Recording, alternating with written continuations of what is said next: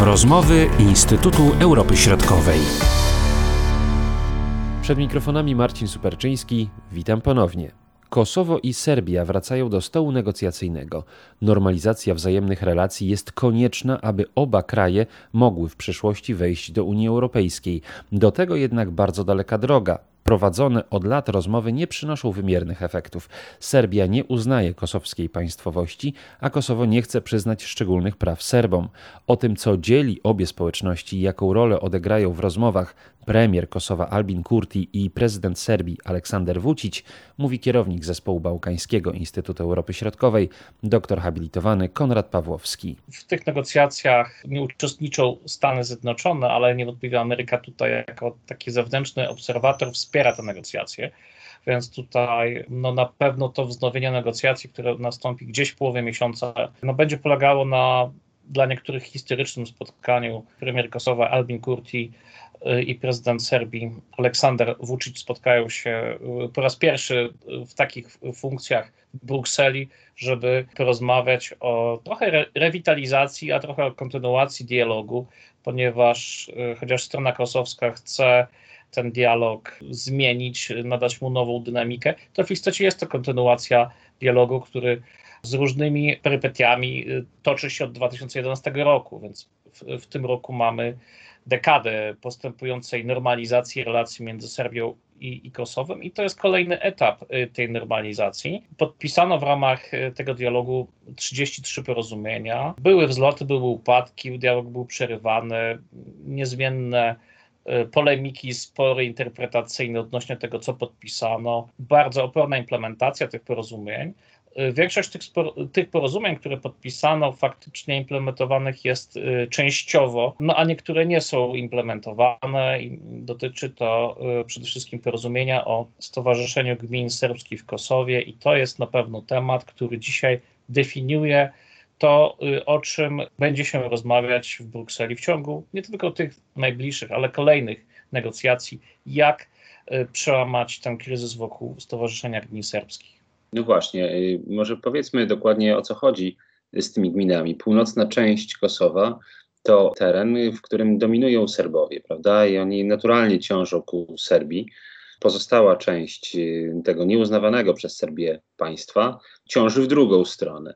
Jak tutaj pogodzić te dwie tendencje? Czy w ogóle jest to możliwe? Sam fakt, że dialog trwa już 10 lat i mimo y, optymizmu przedstawiciela Unii Europejskiej do spraw dialogu, pana Mirosława Lajczaka, tego pozytywnego zakończenia dialogu w dalszym ciągu nie widać. Spór wokół y, Stowarzyszenia Gmin Serbskich w istocie y, sięga porozumienia z kwietnia 2013 roku, które przewidywało utworzenie takiego e, specjalnego e, no, tworu, e, stowarzyszenia gminy. No, sama nazwa definiuje, co to miałoby być, natomiast porozumienie z kwietnia 2013 roku nie definiowało, na czym dokładnie miałoby polegać to stowarzyszenie tych gmin serbskich w Kosowie, bo oczywiście mówimy o funkcjonowaniu gmin, które funkcjonują w ramach systemu prawnego i instytucjonalnego Republiki Kosowa.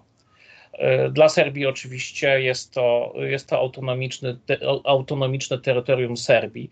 No, z punktu widzenia władz w Prysztynie oczywiście jest to niepodległe państwo i tutaj punktu, punktu wspólnego i kompromisu na pewno dalej nie ma.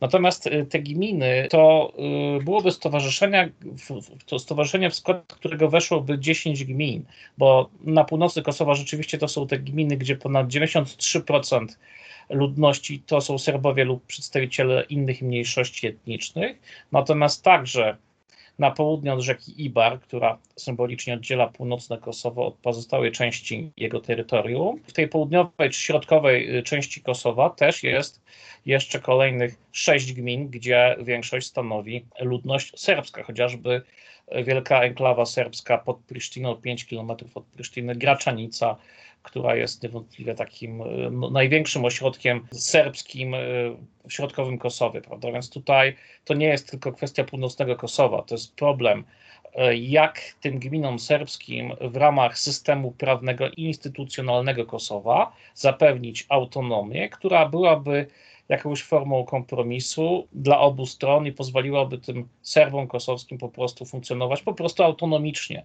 bo idea dotycząca Stowarzyszenia Gmin Serbskich została następnie e, w sierpniu 2015 roku zdefiniowana w kolejnym porozumieniu o zasadach ogólnych funkcjonowania tego, tego Stowarzyszenia Gmin Serbskich.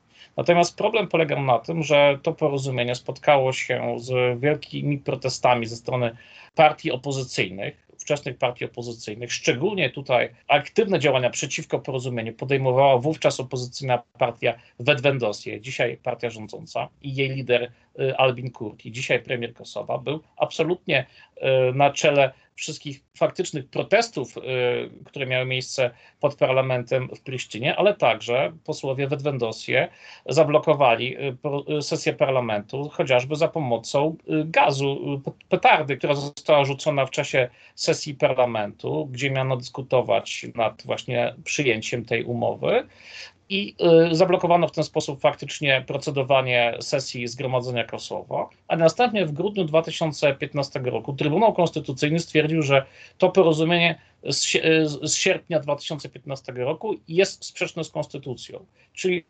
upraszczając, idzie zbyt daleko. Daje zbyt głębokie uprawnienia mniejszości serbskiej w Kosowie, tworząc taką jednostkę e, terytorialną o bardzo specyficznym charakterze, jednostkę o administracyjnej, finansowej autonomii, e, no, samorządzającą się jednostkę, także w sensie takim funkcjonowania, która mogłaby mieć prawa do nawiązywania specjalnych relacji także o charakterze transnarodowym. I o, oczywiście tutaj chodziło o relacje z Serbią. W porozumieniu przewidziano także, że Serbia miałaby prawo finansowania tego stowarzyszenia gmin serbskich.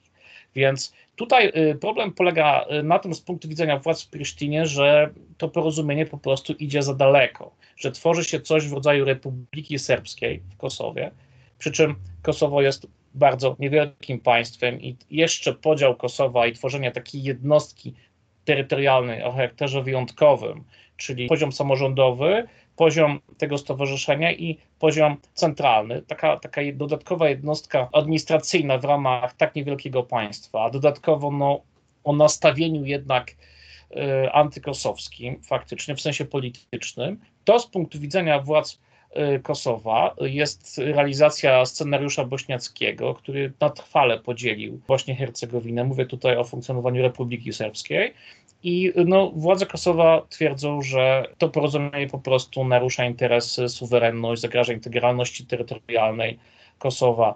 Te argumenty bardzo mocno podkreślał i wielokrotnie odwoływa, odwoływał się do nich właśnie Albin Kurti. Ale teraz sytuacja się zmieniła, prawda? Bo co innego, jak jesteśmy w opozycji i możemy oprotestować wszystko, prawda? Co strona rządowa proponuje, a zupełnie inaczej, kiedy te role się odwracają i nie jesteśmy w opozycji, siadamy do stołu negocjacyjnego i co wobec tego do zaoferowania stronie serbskiej ma dzisiaj Albin, Albin Kurti i Ven Vendosie? Czy w ogóle jest o czym rozmawiać z jego punktu widzenia? Oceniając obecną sytuację, należy zwrócić uwagę, że przez lata Albin Kurti był nie tylko jednoznacznie przeci przeciwny dialogowi y, między Serbią a Kosowem, ale po prostu wzywał do zakończenia tego, tego dialogu i y, stwierdzenie, że dialog jest szkodliwy dla Kosowa, że powinien zostać zawieszony czy zerwany, że Kosowo podpisuje porozumienia niekorzystne, porozumienia niedomówień, które faktycznie szkodzą interesom państwa, dochodzi do no, takiej sytuacji, że one, one zagrażają przyszłości, czyli suwerenności, integralności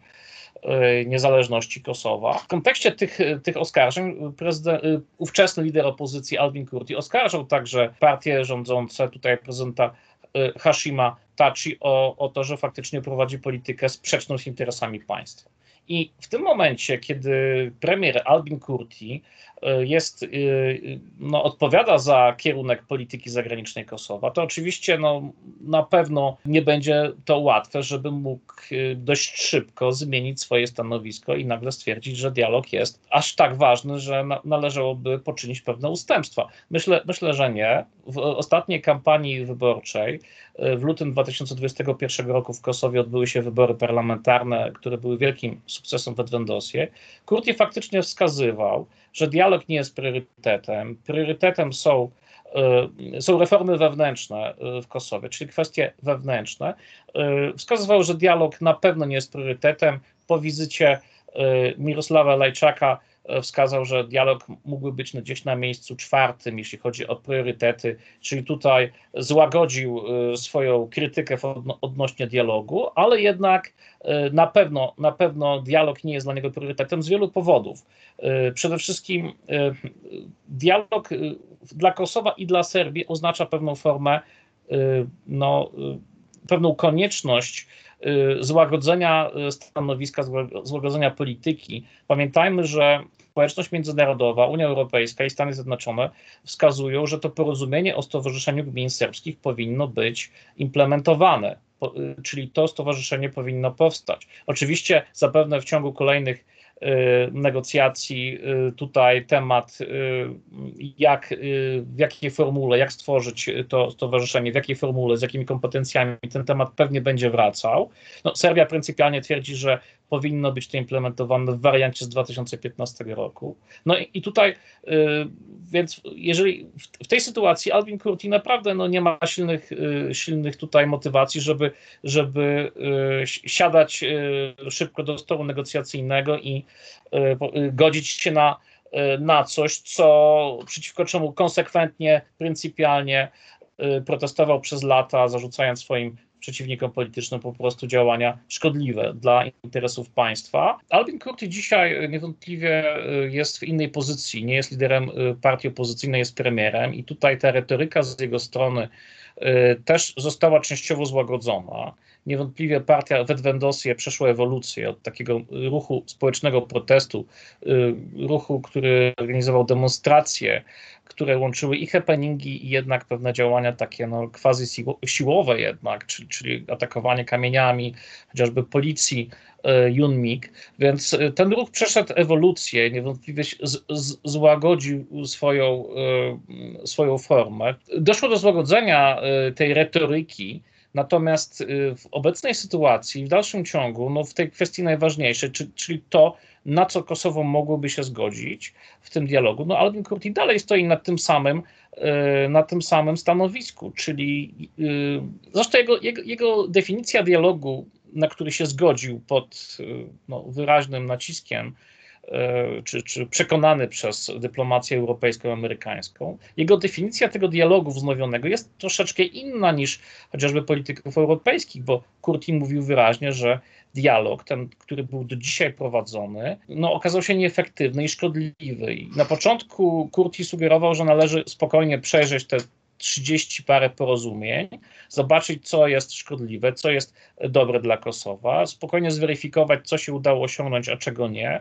No, moglibyśmy powiedzieć, że to byłaby taka trochę gra na czas, ale w istocie, y, istocie Kurti idzie jeszcze dalej. Nie tylko y, spowolnienie dialogu i zweryfikowanie te, jego efektywności, ale także Kurti e, wskazuje, że dialog powinien mieć wyraźnie zdefiniowany cel i tym celem z jego punktu widzenia jest tylko jedna kwestia wzajemne uznanie Kosowa w istniejących obecnie granicach terytorialnych. A co zadowoli Serbię wobec tego? Bo y, no wiemy mniej więcej, na co się nie zgodzi Kosowo, a raczej na co się nie zgodzi Albin Kurti. Co wobec tego może w tej sytuacji zadowolić Serbii, jeśli cokolwiek? To jest pytanie, które dzisiaj zapewne stawia sobie prezydent y, Aleksander Vucic, na ile może się tutaj ugiąć przed y, no, niekorzystnymi dla Serbii uwarunkowaniami międzynarodowymi, ale także wewnętrznymi z punktu widzenia właśnie tego dialogu, dialogu, o którym mówimy.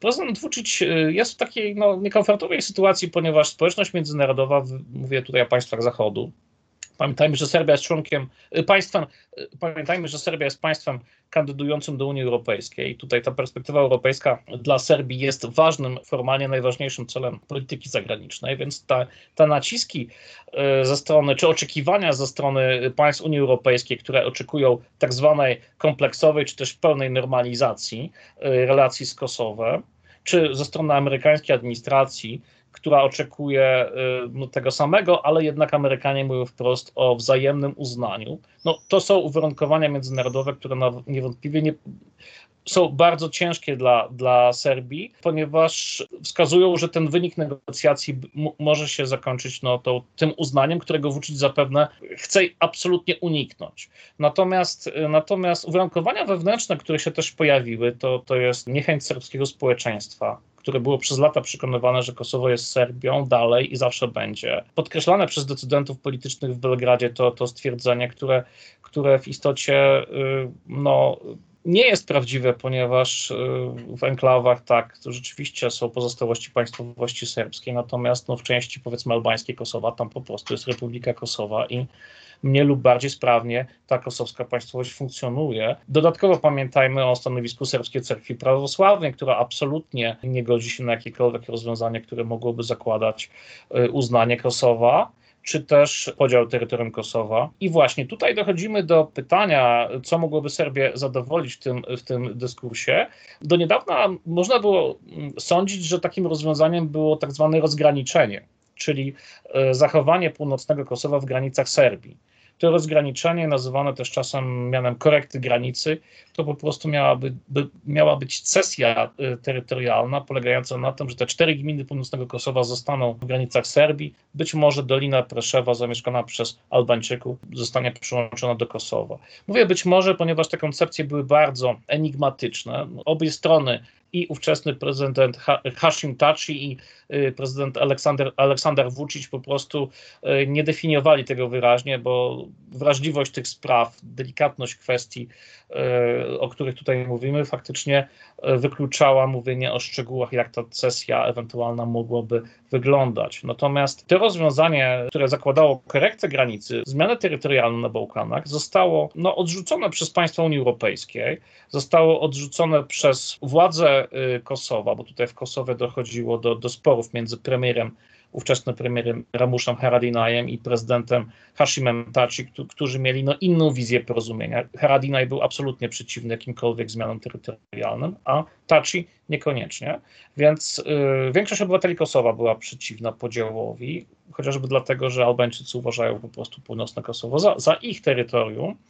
Y, większość obywateli Serbii też była przeciwna, ponieważ Serbowie w sumie zdają sobie sprawę z realiów istniejących w Kosowie, natomiast dalej w sensie symbolicznym, mentalnym, duchowym nie mogą się zgodzić na to, żeby Kosowo odeszło, stało się suwerennym państwem. Jest to, jest to pewna pułapka historyczna. Pułapka Kosowa, które, które, którego rola w serbskiej historii, mentalności, duchowości jest obiektywnie olbrzymia i tutaj to jest największy problem, którego każdy rząd Serbii nie może e, rozwiązać i obecne władze w Belgradzie także mierzą się z tym problemem, co zrobić, żeby Serbia szła w stronę członkostwa w Unii Europejskiej i nie uznawać Kosowa. Rozgraniczenie zostało odrzucone. Co ciekawe, pomysłu rozgraniczenia nie odrzucała administracja Donalda Trumpa, co było takim momentem w historii, gdzie no, Serbia była mile zaskoczona tą sytuacją, że e, administracja e, amerykańska, która zwykle mówi o tym, że granice Kosowa są niezmienne, milcząco nie wykluczała możliwości takiej cesji. Więc to był ten moment 2018-2019, kiedy na poważnie rozważano w sposób, jak powiedziałem, enigmatyczny możliwość niewielkiej korekty granicy, ale ten pomysł po prostu nie spotkał się z poparciem ani obywateli Serbii, ani obywateli Kosowa, ani większości państw Unii Europejskiej. Faktycznie został on y, odłożony ad acta. Problem polega na tym, że, że w tym momencie prezydent y, Serbii, który znajduje się w bardzo niekomfortowej sytuacji, ma bardzo ograniczone pole manewru. Y, Serbia na pewno będzie dążyć do utworzenia Stowarzyszenia Gmin Serbskich, będzie na pewno starała się wzmocnić autonomiczny charakter tego, tego stowarzyszenia. Y, natomiast y, w mojej ocenie wydaje mi się, że to w dalszym ciągu jest za mało, żeby można było mówić, że to porozumienie o normalizacji zostanie podpisane. Władze w Belgradzie muszą coś w tym dialogu wygrać, żeby móc to pokazać serbskiemu społeczeństwu jako sukces. I niewątpliwie uznanie uznanie Kosowa w obecnych granicach po prostu nie byłoby tym sukcesem i to jest bardzo łagodne stwierdzenie. Wręcz odwrotnie spowodowałoby, że i część społeczeństwa, i opozycji politycznej, a być może nawet część y, zwolenników Serbskiej Partii Postępowej po prostu tego by nie zrozumiała. Więc koszty polityczne tej decyzji są olbrzymie. Wobec tego, czego możemy się spodziewać po tych negocjacjach? Czy w ogóle jakiś konkret może tutaj paść, czy to jest jedna wielka niewiadoma? Jedyne, czego możemy oczekiwać w najbliższym czasie, jest to po prostu kontynuacja negocjacji, dyskusja o Stowarzyszeniu Gmin Serbskich, dyskusja o innych kwestiach, bo w tym dialogu dalej jest jeszcze sporo rzeczy do wyjaśnienia, na przykład kwestia chociażby sukcesji, czyli e, kwestia własności majątku, które, które w sensie formalnym Kosowo jest tutaj e, sukcesorem i pewnie Serbia oczekuje e, jakiejś, jakiejś gratyfikacji. Natomiast strona kosowska także, serbska w sumie też, no, domagają się wyjaśnienia losu osób zaginionych, około 1600 osób w dalszym ciągu po konflikcie zbrojnym te osoby kwalifikowane są jako osoby zaginione. Więc y, tam oczywiście jeszcze, jeszcze i parę innych kwestii też jest do, do dyskusji, bo te porozumienia, jak powiedzieliśmy, są tylko w wielu przypadkach po prostu częściowo implementowane, więc strony mają o czym rozmawiać przed podjęciem tej finalnej decyzji o E, właśnie o tej kompleksowej normalizacji, więc jeszcze parę e, rund negocjacyjnych pewnie będzie miało miejsce.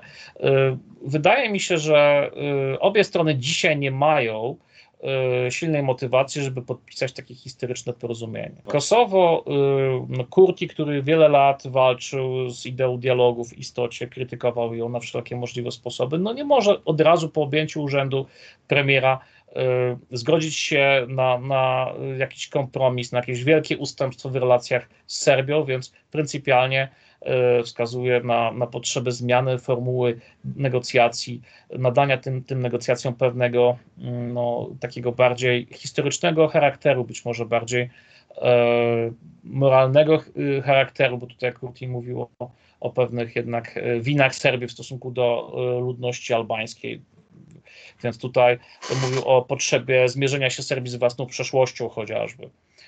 Mówił o, o konieczności też formalno-prawnej odpowiedzialności Serbii za, za zbrodnie w Kosowie z czasów wojny. Więc tutaj nawet te, te argumenty, którymi się Kurti y, posługuje, wskazują, że ta wola kompromisu czy ustępstw, no, mówiąc delikatnie, nie jest, nie jest największa. Natomiast z punktu widzenia Serbii można też oczekiwać, że prezydent Vucic, który, który faktycznie mierzy się z kryzysem wewnętrznym w Serbii, bo jednak e, bojkot wyborów e, z czerwca 2020 roku, bojkot tych wyborów przez opozycję podważa e, mandat obecnej władzy w Serbii, czyli Serbskiej Partii Postępowej. Pamiętajmy, że do połowy 2020 roku w Serbii na pewno odbędą się wybory prezydenckie i być może odbędą się przedterminowe wybory parlamentarne.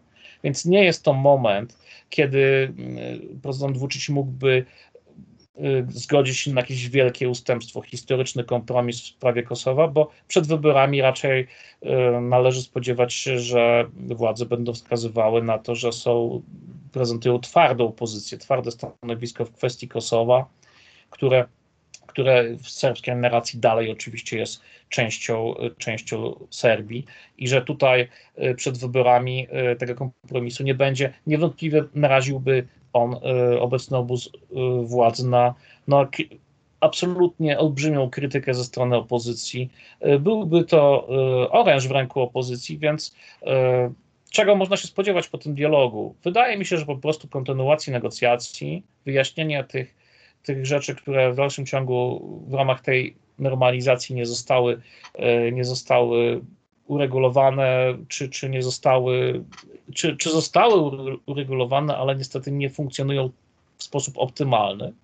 E, mówię o tych 30 paru porozumieniach, o których powiedzieliśmy. Niewątpliwie tutaj jest o czym rozmawiać. Ja nie widzę tego, tej woli kompromisu. Widzę wolę dialogu, y, mniejszą lub większą, natomiast no nie, nie widzę woli, y, czy nawet możliwości, żeby obie strony ustąpiły w tej kwestii najważniejszej, bo Albańczycy domagają się po prostu uznania, a Serbia czy władze serbskie po prostu odmawiają tego uznania Kosowa w obecnych granicach terytorialnych. Mówił doktor habilitowany Konrad Pawłowski, Marcin Superczyński. Do usłyszenia. Były to rozmowy Instytutu Europy Środkowej.